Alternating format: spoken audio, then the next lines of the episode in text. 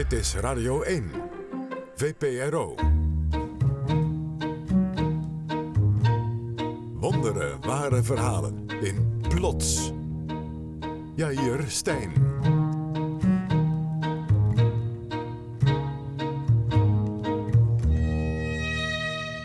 Uh, hiervan 4, 5, 6, 7, uh, 8, 9, 10, 11, 12, 13, 14, 15. 15. En soms een aspirintje als ik hoofdpijn heb. Gijs slikt 15 pillen per dag, maar hij vertelt niet iedereen waarvoor. Als ik mensen voor het eerst leer kennen, begin ik vaak met longpatiënt. Want nou, dat herkent iedereen wel bij een date. Dus als ik zou zeggen, uh, ik ben hartpatiënt, dan gaan allerlei belletjes rinkelen. En dan gaat het de hele tijd daarop, dat, dat wil ik niet. En plus, ik wil uh, ook zeker dates niet de indruk geven dat te veel opwinding uh, gevaarlijk is. Maar hij schaamt zich niet voor zijn ziekte en ook niet voor zijn pillen. Met sommige medicijnen heeft hij zelfs een bijzondere band, zoals lanoxine, een middel tegen hartritmestoornissen. Lanoxine is iets wat ik mijn hele leven al slik. En de, ja, dat hoort gewoon uh, bij me. Ja, het is echt een lifesaver. En dus schrok hij toen hij in de krant zag dat het middel tijdelijk niet verkrijgbaar was. Ook al had hij zelf nog genoeg op voorraad. En schrikken is misschien niet eens het goede woord. Hij werd kwaad. Bijna van ja, maar van lanoxine moeten ze afblijven. Gijs heeft een aangeboren long- en hartafwijking. Een diagnose met slechte vooruitzichten. En dus is hij, omdat zijn leven ervan afhangt, zijn medicijnen gaan zien als vrienden. Dit zijn mijn kaliumtabletten. Die zijn er laatst bijgekomen. Dus dan staan die het uh, verst af. Die trombosemedicatie. Ja, een goede kennis. Met wie je toch eens in de zoveel tijd wel afspreekt. En lanoxine en uh, bumetanide, dat is het uh, plasmedicijn. Die zijn wel zo close. Ja, dat blijft altijd doorgaan. Zo'n vriendschap. Maar bij één van de pillen voelt hij zich minder op zijn gemak. Het is een longmedicijn en het kost meer dan 7000 euro voor drie maanden. Een confronterend bedrag.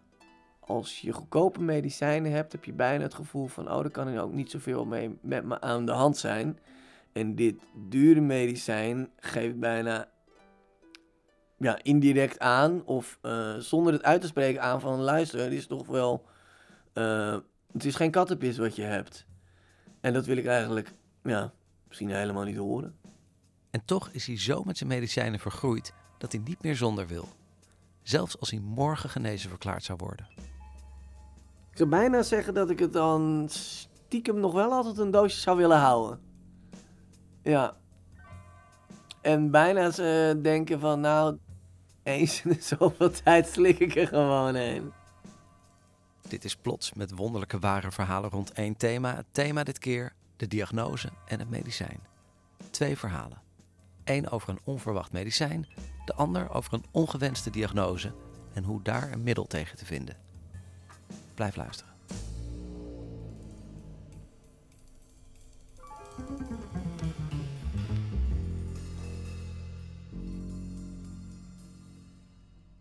Toen ik een jaar 24 was, kreeg ik eerst onverklaarbare trilling in mijn hand en daarna een zeurende pijn in mijn arm. En dat is niet weggegaan. Ik heb dat jaar, denk 12 specialisten gezien, niks hielp. Op het dieptepunt heb ik mezelf laten behandelen door een reusachtige zwarte man met gouden oorbellen die aan handoplegging deed. Er kunnen drie dingen gebeuren, zei hij, terwijl hij zijn enorme handen op mijn schouders legde. Ofwel de klachten worden erger, of het blijft hetzelfde, of het wordt beter. Het bleef hetzelfde. Ik dacht toen dat ik alles geprobeerd had, maar nu weet ik dat ik één optie over het hoofd heb gezien. Acte 1, nummer 35, Ondergaande Zonzee. Een verhaal gemaakt door Prosper de Roos. Gaat het? Uh, even kijken, ja, ik kan er zo af. Hé, wat zit er op? hey, daar zit een oud etiket. En dan is het eigenlijk een beetje losgepeuterd. Er staat iets van zee, dubbele punt, en dan is het niet meer te lezen. J. Borgman staat er op de achterkant. Het schilderij wordt uitgeleend voor één jaar ten behoeve van de gunstige psychosomatische uitwerking op de beschouwer-lener. Ja, apart hè? Dat wist ik niet eens meer.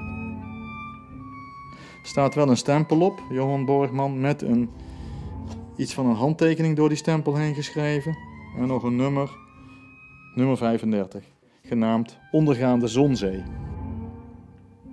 Maar de gunstige psychosomatische uitwerking. Ja. ja. Het ziet er wel gebruikt uit. Johan Borgman was een schilder die alleen maar zeegezichten heeft geschilderd. Hij was overtuigd dat een schilderij meer kan doen dan alleen maar hangen. Florie heeft Borgman persoonlijk gekend. De eerste keer dat ik hem ontmoette was ik... Nou, ik denk dat ik toen zes, zeven was. Ik was met mijn grootmoeder. Ja, zij ging altijd naar meneer Borgman en dan ging ze even versterkende krachten halen. En dan mocht ik dus mee, want wij woonden, mijn broer en ik woonden bij mijn grootmoeder. En dan gingen we naar Amsterdam. Er was een trap, die ging naar boven en rechts van die trap hingen al die schilderijen. Dus wij gingen die trap op en af, we keken daarna. Zonsondergang op zee met wolkenbank, eenzaamheid, voorjaarszee, mystieke sfeer, rustige maannacht. Johan Borgman is in 1976 overleden en heeft talloze zeegezichten nagelaten. Wim Kramer beheert een archief met een groot aantal schilderijen. Ik zal het licht ook even aandoen. Nou ja, hier hangen een paar schilderijen gewoon in, in, in het kantoor. Sommige van zijn schilderijen zijn heel licht, met lichte kleuren, lichte, eh, bijna vrolijk te noemen. En, dit is, en er zijn ook een aantal schilderijen die echt heel donker, heel somber, echt doods zijn. Maar het zijn allemaal paneeltjes. Gewoon een dik houten paneeltje uit, uit een kast. Ja. Een oude kast die hij gesloopt heeft of gekregen heeft. Eh, Veel mensen die hier komen, die raken er echt heel geëmotioneerd van. Dat, is- dat is opmerkelijk. Hè? Die, Verbaas je dat? nou, de eerste keer wel, ja. Was iemand en die, die kwam dan, en, of die, die, die was hier en die begon daar toch, ja, leggen we zeg maar, uitermate geëmotioneerd op te reageren. Mij ook allemaal vragen te stellen en dingen waar, ik ook niet wist wat ik ermee moest. Maar het merkwaardig is dat bijna iedereen dat heeft. Ik ben er inmiddels aan gewend, maar het, het, laat ik zo zeggen, dat was pas nadat de vijfde het deed. De zeegezichten laten altijd een lege zee zien met wolkenlucht, zon of maan. Nooit is er een schip of een levend wezen te bekennen. Een onbekend aantal hangt bij mensen thuis. Zoals bij Hans van Berlo. Het was eh, eigenlijk een puur toeval. In Felixoord in Oosterbeek kwam ik zijn schilderijen tegen op een expositie. Er waren enkele schilderijen, daar herkende ik iets in. Ik zag daar, eh, ja, heel raar. Ik, ik ben daar normaal helemaal niet mee bezig, maar ik zag daar in die, in die sluierbewolking voor die zon, ik zag daar eigenlijk een, een soort van een engel in. Ja, dat sprak mij heel erg aan. Ten meer omdat we ja, thuis met mijn vrouw eh, in een moeilijke situatie zaten. was heel erg ziek. En ze lag eigenlijk, eh, ze was bezig met eh, een hele zware eh, voorbereidende be- behandeling voor een stamceltransplantatie. De kans is aanwezig dat je het niet overleeft. Ja, je, je, je hebt periodes gehad dat je op internet gaat zoeken en alles gaat afstruinen wat er maar, eh, wat er maar te vinden is op dit gebied. En wat er aan behandelingen zijn. Want als je vandaag hoort dat je een levensbedreigende ziekte hebt, dan wil je dat er liefst vandaag of morgen wat aan gebeurt. Dus je gaat zelf ook zoeken. Je gaat zoeken naar alternatieve wegen. Mystieke sfeer, stralend lichtgroep, een warme dag, kabbelende golven. Het was wel heel, heel veel schilderijen aan de trap. Naderend onweer. En dan zei mijn grootmoeder, ja, die schilderijen zijn helend. En dan zeiden wij bij onszelf, ja oma, het zal wel, weet je. Atlantische Oceaan. Florie heeft haar twijfels over de genezende werking. Haar oma echter heeft een aantal zeegezichten van Borgman gekocht. Toen mijn grootmoeder stierf, kreeg ik die schilderijen. Ik heb ze wel een tijdje opgehangen. Wacht even. Ja, ik heb ze zeker. Ik heb ze een hele tijd zelfs opgehangen. Totdat iemand zei, mag ik die van je lenen? En toen dacht ik, helemaal goed. En die zei dat het een helende werking had. Dus die hingen dan bij mensen de ene had eh, huwelijksproblemen en was een zak en as. En mijn tante was stervende. En die vond het heerlijk om dat schilderij om haar heen te hebben.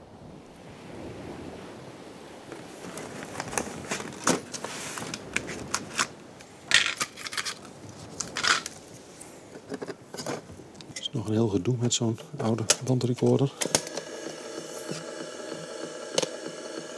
Nou, maar even kijken of er. Eh, geluid uitkomt. Het bandje is opgenomen in 1968 bij de opening van een uh, schilderijententoonstelling bij Borgman Thuis. We hebben de band nooit gehoord. Het ligt al jaren in het archief. Gaarne wil ik enige woorden tot u spreken. Dit is Borgman. Een bekend kunstgieters en kunstschilder noemde mijn schilderij bezield. Volgens andere psychische en intuïtief ingestelde mensen werden mijn schilderijen doorstraald van trillingen.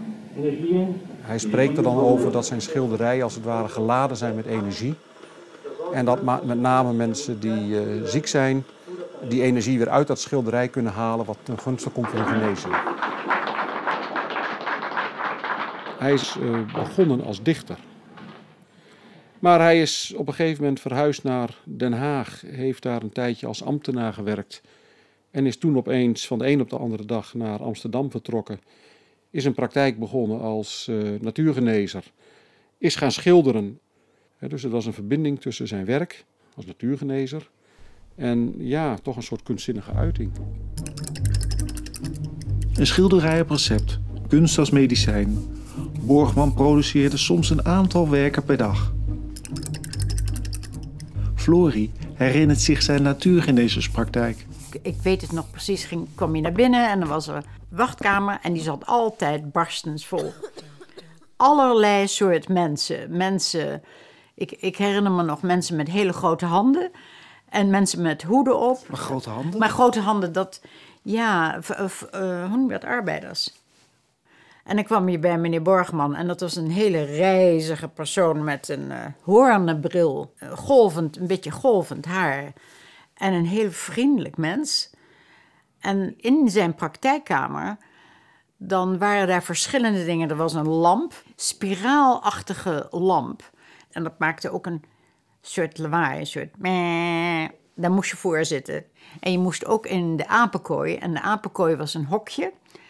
En dan moest je erin, dan ging het deurtje dicht. En dan ging er ook een soort, ja, dat was berglucht volgens mijn grootmoeder.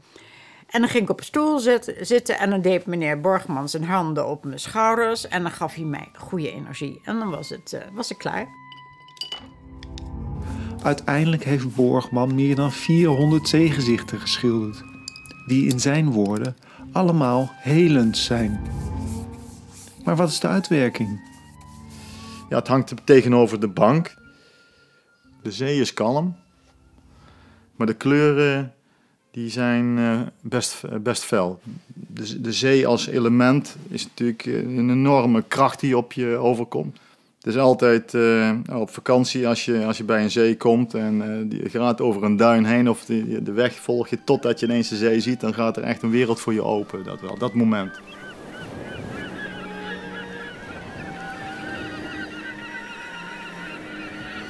Ik weet niet of dat wat uh, Borgman er zelf mee heeft willen uitbeelden. Ik denk dat hij de patiënt of de, de mens de ruimte geeft om er zelf dat in te zien wat hij erin wil zien. Ik zie het als zee is zee.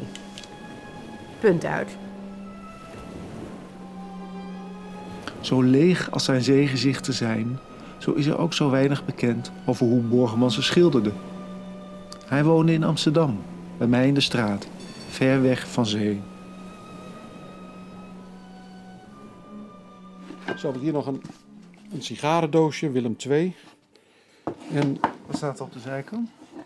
Um, zeefoto's. Go oh, nee, het staat zelfs mooier. Goede zeefoto's. In zijn handschrift. Wat zien we hier?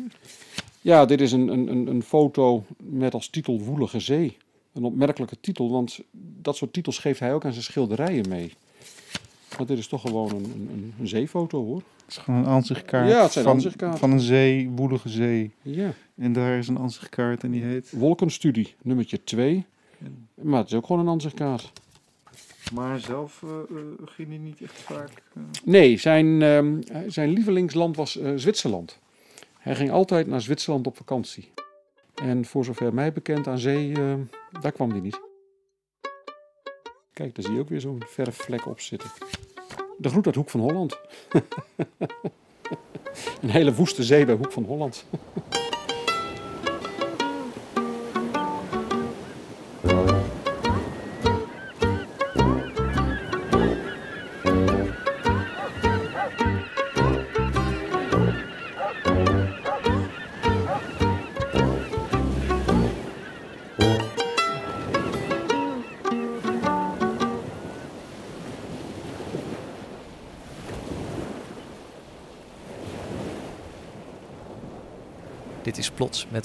Ware verhalen rond één thema. Het thema vandaag, de diagnose en het medicijn. Twee jaar geleden vertelde onze researcher Esma Linneman in plots over haar vader Frits. Hij was opgegeven door de Nederlandse artsen, maar over de grens wilden ze hem nog wel behandelen. En met succes. Toch is Esma's vader niet lang na de uitzending alsnog overleden. En dat is waar dit verhaal begint. Toen Esma zelf ziek werd. Ziek van een diagnose. Acte 2 een psychiatrisch geval. Een verhaal over gezonde mensen die gek gemaakt worden door een psychiater, de kalmerende werking van zelf voorgeschreven pillen en de bijwerkingen van de DSM, de Bijbel van de psychiatrie.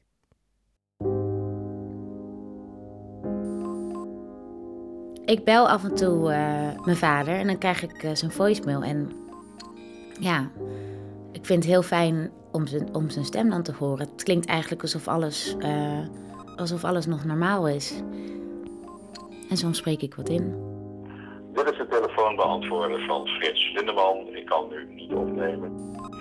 Na de piep kunt u uw boodschap inspreken. De groeten.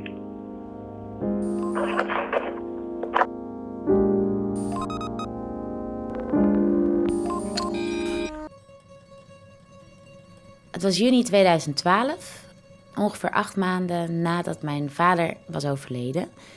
En ik functioneerde goed, maar lichamelijk had ik allemaal klachten. Ik had heel erg uh, hoofdpijn en ik kon soms um, opeens heel misselijk zijn of draaierig. En uh, ik voelde me heel moe, heel moe. Op een dag zit Esma met een vriendin op het balkon. Ze praten. En ze vroeg naar mijn vader. Ze vroeg hoe de laatste weken nou eigenlijk precies waren geweest. En toen opeens kreeg ik het gevoel alsof ik een vlieg had doorgeslikt. Maar ik had dan een hele tijd, was ik vergeten adem te halen. En toen ik dus iets moest zeggen, kwam er opeens niks meer uit en moest ik naar adem happen. Op een nacht werd ik dus wakker en stond ik gewoon stond ik beneden bij mijn voordeur op straat met mijn pyjama aan. Kennelijk was ik dus helemaal mijn bed uitgerend, de voordeur door, naar buiten in een, in een blinde paniek. En ik moest ook helemaal op adem komen. Ik, ik, ik, uh, ik had ik denk dus dat ik gewoon ook in mijn slaap toen uh, was uh, vergeten adem te halen. Of ik had niet adem gehaald. Ik denk dat dat is wat er is gebeurd. En toen ik daar stond, midden in de nacht, toen realiseerde ik me dat dat die problemen die ik had en wat ik voelde, en eigenlijk het verdriet wat ik had over mijn vader, dat dat een greep had gekregen op mijn, op mijn lijf. En daar wist ik geen raad meer mee.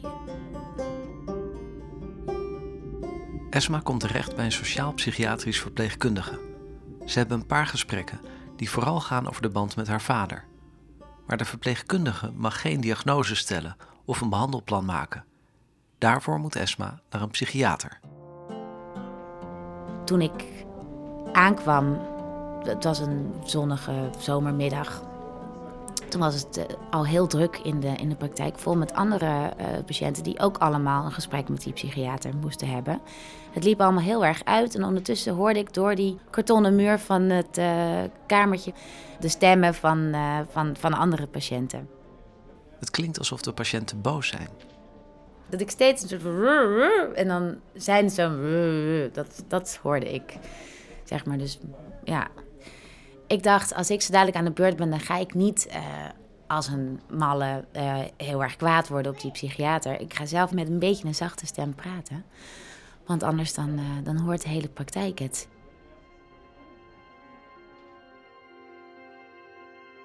Hij kwam zelf naar buiten en stak zijn hand uit. Mevrouw Linneman, komt u binnen? Pakte mijn dossier erbij, keek er even naar, fronste zijn wenkbrauwen en begon toen met, met vragen te stellen. Hoe gaat het nu met je? Ehm, slaap je goed? Eet je goed? Ben je wel eens bang om verlaten te worden door andere mensen? En hoe ga je daar dan mee om? Ik was bezig om rustig en zachtjes te praten en rustig ook te blijven. Maar die vragen werden alleen steeds specifieker, steeds extremer. Voel je je wel eens uh, leeg van binnen? Heb je veel verschillende seksuele contacten? Gebruik je drugs? Snij je jezelf wel eens met uh, scherpe voorwerpen? En er begon voor mij een beeld op te komen van wat voor een beeld hij mogelijk van mij had. Tot we dus bij het einde van het gesprek kwamen en hij um, mij met een minzaam glimlachje aankeek en zei: Ik denk dat u last heeft van borderline persoonlijkheidsstoornis. En toen zei ik van, nee, maar ik weet wat een borderline stoornis is. En ik herken me daar zelf uh, helemaal niet in. En ik snap ook niet waar dit vandaan komt. Want op welke manier heb ik uh, deze uh, diagnose bevestigd in het gesprek dat we net hebben gehad? Het vervelende was dat hij op dat moment ook een, een soort gezicht trok als de alwetende psychiater um, die, nu, die nu even rustig bleef omdat de patiënt aan het doordraaien was. En ik hoorde ook mijn eigen stem en toen realiseerde ik me dat ik dus misschien nummer drie of vier vandaag was die, uh, die, uh, die aan het gillen was daar in die praktijk. Ik heb een half uur de tijd gekregen met, uh, met deze psychiater. En in dat half uur is dus, het, wordt, is dus deze diagnose gevallen. Borderline is een persoonlijkheidsstoornis die vooral bij vrouwen voorkomt. Mensen die eraan lijden kunnen zeer manipulatief zijn en hebben vaak de neiging om zichzelf en anderen eerst de hemel in te prijzen om ze het volgende moment diep te minachten. Dat maakt het moeilijk voor ze om relaties in stand te houden. Zelfbeschadiging en suïcidepogingen komen veel voor. Omdat mensen met borderline niet alleen hun eigen leven, maar ook dat van anderen bijzonder moeilijk kunnen maken, is de stoornis berucht. Ik ben geen borderliner, dat weet ik van mezelf. Dat denk ik te weten. Maar kennelijk is die overtuiging ook niet zo groot. Want vanaf het moment dat hij dat woord in zijn mond nam, dacht ik wel van, oh nee, dat, dat ben ik toch niet. Maar niet met de overtuiging van iemand die dat, uh, die dat 100% zeker weet. Maar meer met de angst van iemand die dat 100% zeker niet wil zijn. Na het gesprek gaat Esma wandelen langs de Amstel om bij te komen. Ze besluit dat ze niet meer teruggaat naar deze psychiater. Maar het lukt haar niet om het oordeel van de expert naast zich neer te leggen. Ze gaat op zoek naar andere meningen. Ik heb die dag, denk ik, iedereen die echt belangrijk is, die heb ik allemaal gebeld en allemaal verteld wat er is gebeurd. En um, iedereen reageerde anders, maar wel hetzelfde. Van, nou ja, sorry, maar hier herken ik jou echt helemaal niet in. En weet je nog die en die? Dat meisje, hoe heet ze ook weer? Ja, Debbie, die was een borderliner, weet je?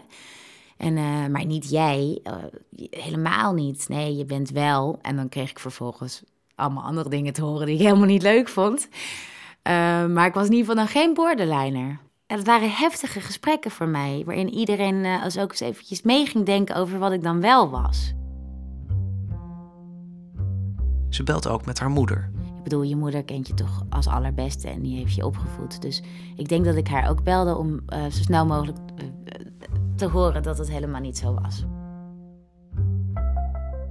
Ja, je belde mij en je was helemaal overstuur. Want je zei, joh, weet je wat er nou is gebeurd? Ik ben naar een psychiater geweest en die heeft de diagnose borderline bij mij gesteld. En wat vond je daar als moeder van? Nou, ik dacht ineens rustig maar eens even aan. Dus ik zei toen, wees blij.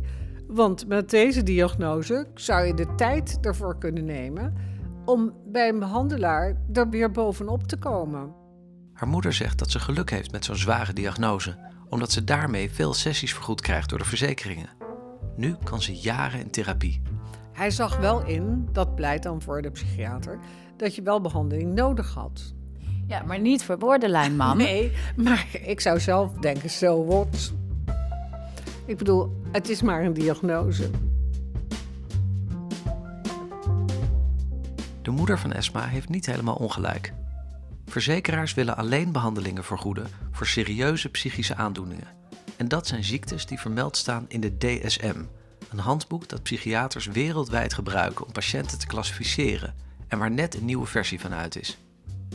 De DSM bevat checklists waarmee je in zeer korte tijd tot een diagnose kan komen. Heb je tenminste vijf van de negen DSM-kenmerken van borderline, dan kan de diagnose al gesteld worden. Voor beginnende psychiaters is de DSM een handig hulpmiddel, zegt psychiater Casper Mengelberg. Als je er maar niet te veel belang aan hecht, zeg ik er meteen bij. En dat is volgens Mengelberg precies het probleem. In Nederland wordt juist bijzonder veel belang gehecht aan het handboek.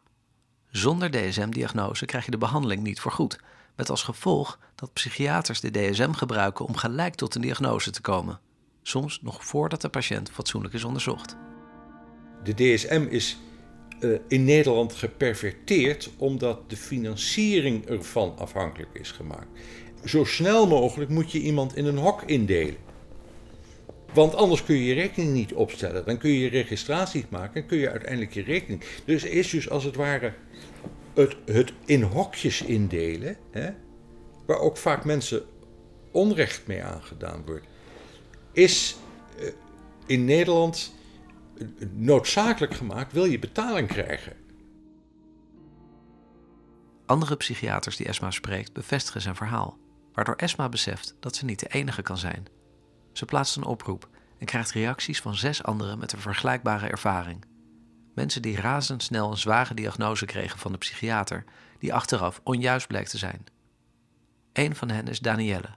Ze was 17 toen ze bij de psychiater terechtkwam en ook zij was iemand kwijtgeraakt een buurman waar ze heel veel mee omging, die, die ging dood. En daar kon ze eigenlijk helemaal niet goed mee omgaan. Waardoor ze op een gegeven moment een keer ruzie kreeg, zomaar ergens om met haar vriendje.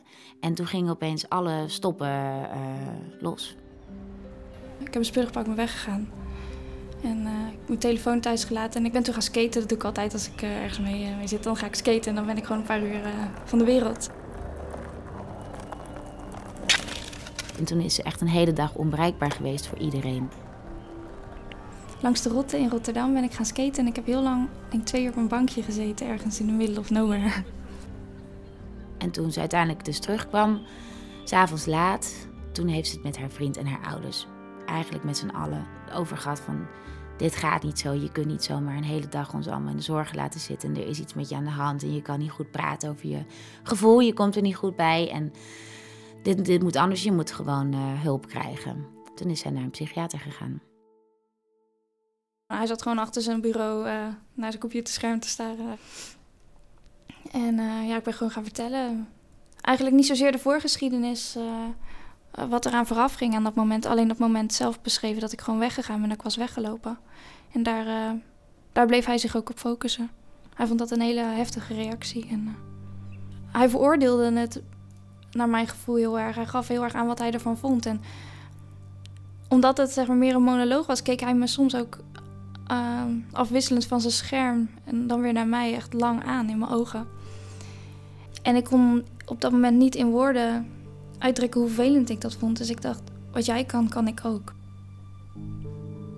Dus toen ben ik hem gaan aankijken en toen hebben we denk ik ongeveer 10 seconden of zo. En dat 10 seconden klinkt niet lang, maar dat is heel lang om elkaar aan te kijken zonder te knipperen of iets te zeggen. En op een gegeven moment viel er ook een enorme stilte dat hij uh, tegen mij zei van... ik vind echt dat jij een hele agressieve uitstraling hebt. Hij ging hele suggestieve vragen stellen. Heb je vaak confrontaties met mensen? Heb je het gevoel dat niemand je begrijpt? Uh, heb je, je, merkte gewoon dat hij gewoon een hele een lijst aan het afwerken was. En ik werd er eigenlijk heel erg ja, bij de hand van. Want je voelt dat iemand gewoon aan het zoeken is naar een stoornis of naar iets. En uh, toen begon ik dus te huilen. Ja, ik was op dat moment niet meer in staat en ik had ook geen zin meer om het gesprek verder te voeren. Dus hij stelde. Hij zei ook van ja, dan is dit ook het moment om het gesprek maar uh, af te gaan sluiten. En toen. Uh, ja, reflecteerde hij eigenlijk wat hij van mij vond. Of wat hij dacht dat er met mij aan de hand was. En hij zei ja. je hebt wat ehm, schizofrene trekjes, wat psychotische trekjes. En, uh, maar ik denk vooral aan, aan borderline. Ik denk dat het na 20 minuten was. Ik kon niks meer zeggen. Mijn moeder nam het gesprek eigenlijk over en die zei dat ze zich daar niet in herkende. En hij zei: Ja, er kan verder niks voor jou doen. je zal naar een psycholoog moeten gaan. En Dat zelfs over, over opnemen, als het nodig was. Wat? Dat ik Doe- hoe heftig is dat dan? Nou ja, maar op een gegeven moment heb je gewoon niet meer het gevoel dat het over jou gaat. Nee. Dat je alsof je in een slechte film eh, terecht bent gekomen. Het is echt heel onwerkelijk. Kan je nog herinneren hoe hij eruit zag? Ja, sowieso was het een man, denk ik, van een jaar v- 55, 60 of zo. Een beetje dik. Een beetje een VVD-uiterlijk. Mag ik dat zeggen? Hoe dan? Wat voor kleren? Hoe... Ja, eh, McGregor had hij aan. Daarom heb ik sindsdien een hekel aan dat merk. Hij had zo'n overhemd van McGregor aan.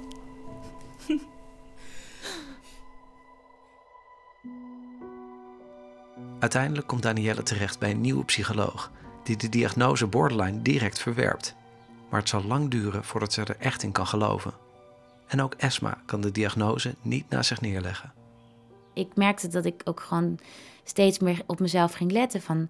Hmm, ik was er net wel heel eh fel in, eh, in die discussie. Of eh, ik vind het wel heel moeilijk dat ik nog geen sms'je terug heb gehad van die en die jongen. Borderline. Weet je, dat kwam, ging toch steeds door mijn hoofd. Kort na het gesprek met de psychiater gaat Esma met familie op vakantie naar Italië. Het werd een loodzware vakantie van aan het zwembad eh, verbloemen dat je, dat je aan het nadenken weer bent over je stoornis en eh, eh, die je niet hebt. Ehm, op, een, op een middag zat ik in de tuin voor het grote landhuis wat we hadden gehuurd. Ehm, zat ik een beetje met mijn stoel te wippen. En toen klapte ik opeens naar achter de bramenstruik in die erachter stond. Mijn linkerarm zat dus helemaal onder de schrammen. Zo diep dat ik echt toch even dacht of ik, naar, eh, of ik ze moest laten hechten of niet. En het eerste wat ik dacht was: oh nee, nu heb ik allemaal littekens op mijn linkerarm. Hoe ga ik dit uitleggen aan, eh, aan, aan de mensen thuis, weet je? Want ik bedoel, littekens en schrammen en schraven, ja, dat is dus iemand die, eh, eh, die dus zichzelf eh, snijdt. De psychiater had bij het afscheid gezegd dat antidepressiva kunnen helpen tegen angst, een van de kenmerken van borderline. Aanvankelijk vindt Esma het idee belachelijk, maar na het Bramen-incident denkt ze er anders over. Ik had me er een tijd lang tegen verzet, maar nu voelde ik me gewoon zo verloren. Ik moest gewoon, ik had heel erg behoefte aan iets van hou vast. En opeens doemde die pillen op als een mogelijk alternatief voor, voor, eh, ja, voor de toestand waarin ik terecht was gekomen. Ze wil niet wachten tot ze terug is in Nederland en ze weet dat er pillen in huis zijn van een familielid die ze zelf niet gebruikt. Op internet zoekt ze op of het veilig is. Dan waagt ze de sprong. Ik heb drie maanden antidepressiva geslikt. Een middel dat, eh, een, een heel ouderwets middel overigens, trazolan. En eh, dat is eigenlijk een slaapmiddel. en dat heeft als bijwerking ook dat het een, eh, het heeft een antidepressieve en kalmerende werking. De pillen hebben direct effect. Esma voelt geen stress meer, maar ook geen noodzaak om iets te doen. Afspraken met vrienden of werk worden onbelangrijk. Haar gevoel vervlakt. Soms dan zag ik wel eens andere mensen heel verschrikt naar me kijken. En dan zei ik, wat is er? En dan zeiden ze van, weet je dat je al vijf minuten gewoon eh, voor je uitstaart? Ik kan me echt nog heel goed herinneren dat ik op, eh, op een stoepje zat en dat er een kat voorbij kwam. En dat ik dacht, hé, hey, een kat, een kat. En dat ik opeens helemaal in een soort bijna ecstasy-achtige trip over die kat.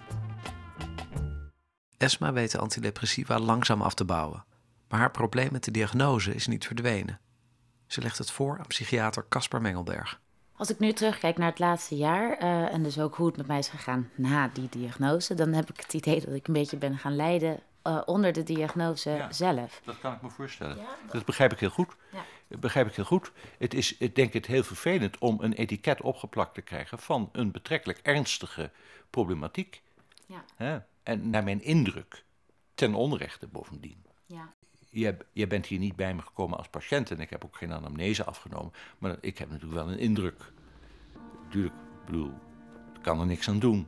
Nou, eh, forget it, borderline. Ja, ik ben geen borderliner. It. Nee, forget it. Maar ehm, ik was. Nee, maar ik, dat je het heel vervelend vond om dat etiket opgeplakt te krijgen. Wat ik ook potentieel schadelijk acht voor je belangen, namelijk wat is daarmee gebeurd? Dat is dus buiten het beroepsgeheim gebracht. Want op de rekening, daar moet een diagnostische aanduiding komen te staan. Nou, misschien stond dit er wel op. Hè? En dat is naar een ziektekostenverzekering gestuurd. En aan een beroepsgeheim in de strikte zin van het woord zijn ze niet gebonden. Esma besluit om een mail te sturen naar de psychiater die haar het etiket heeft opgeplakt, om zijn verhaal te horen en in de stille hoop dat hij het label weer weg kan nemen. Dezelfde middag krijgt ze antwoord. De psychiater had de diagnose niet gesteld om de kosten te kunnen declareren, blijkt uit zijn mail. Sterker nog, er was helemaal geen diagnose. Esma leest de mail voor aan een vriendin die psychologie heeft gestudeerd. Uh, geachte mevrouw Linneman, ik ben blij om weer iets van u te horen, want kennelijk is iets misgegaan in de communicatie. Mogelijk heb ik dingen niet goed over kunnen brengen of heeft u niet goed geluisterd, of beide. Wat van belang is, dat, is dat ik zeker geen diagnose heb gesteld. Ik heb u slechts een folder meegegeven met het verzoek om die te lezen en te vertellen of u er iets in herkent. Ondanks diverse oproepen bent u hier niet meer verschenen op afspraken om het gesprek voor te zetten. Dat heb ik erg vervelend gevonden, want dan zijn er meestal schrik, angst en misverstanden. In een bijlage stuur ik u mijn borderline verhaaltje dat ik altijd hou wanneer ik iemand de genoemde folder geef. En dat ik ongetwijfeld ook tegen u heb gehouden. Nou, bla bla bla bla. Ik vind deze wel uh, mijn borderline verhaaltje. Dat ik altijd houd wanneer ik iemand de genoemde folder meegeef.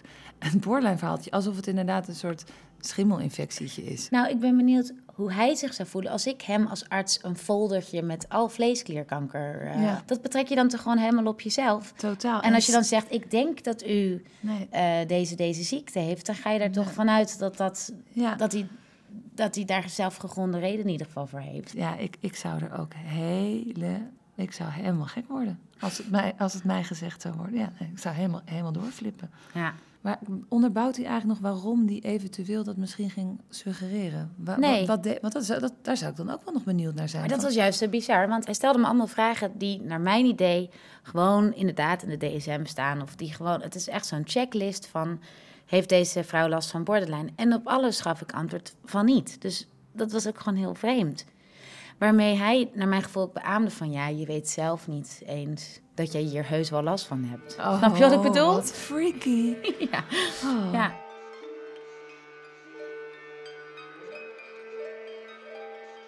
De psychiater is bereid om Esma te ontmoeten, maar wil niet dat ze opnames maakt. Wel heeft ze een recorder bij zich, die ze direct aanzet na het gesprek. Nou, ik kom net terug van de psychiater. We hebben meer dan een uur gepraat. Um, het bleek dat hij niet helemaal begrepen had dat uh, ik als journalist daar langs kwam. Dus um, ik ben bang dat ik ook moet gaan betalen voor, de voor deze afspraak. Um, maar goed, we konden het niet met elkaar eens worden. Hij begreep niet dat ik zo was geschrokken van uh, de term uh, borderline. En ik begreep niet waarom hij zich niet kon inleven daarin. En hoe hij nou precies tot die diagnose was gekomen. Hij noemde een aantal dingen van dingen die in mijn jeugd waren gebeurd, uh, impulsief gedrag, um, uh, verlatingsangst had hij, dacht hij te hebben gezien. En op grond daarvan dacht hij dat ik dus borderliner was. Achteraf zegt de psychiater dat Esma misschien toch eerder een depressie had dan borderline. Maar even later lijkt hij weer te twijfelen. Want waarom had ze zoveel waarde gehecht aan de woorden van de psychiater? Wat hij vooral zei, is dat hij het betreurde dat ik uh, zo gevoelig was voor autoriteit en dat ik zo geschrokken was van de uitspraak van een psychiater. Hij zei dat uh, idealisering uh, misschien wel een rol heeft gespeeld, dat ik hem, de psychiater, op een voetstuk had gezet. Nou ja, idealiseren en later kleineren, dat, zei hij, is een typisch borderline trekje. Dus of ik nou helemaal van het borderline af ben, dat weet ik niet. Het is nu anderhalf jaar sinds Esma's vader is overleden. Ze is er nog veel mee bezig. En ze praat erover. Met een nieuwe psycholoog. Ze was heel gechoqueerd over mijn eerdere ervaring. En, uh, en een paar sessies later uh, wist ze me ook gerust te stellen. dat ik, eh, dat ik, dat ik absoluut geen borderliner was. Ik was, eh, ik was gewoon heel erg in de rouw. Ik ben in de rouw.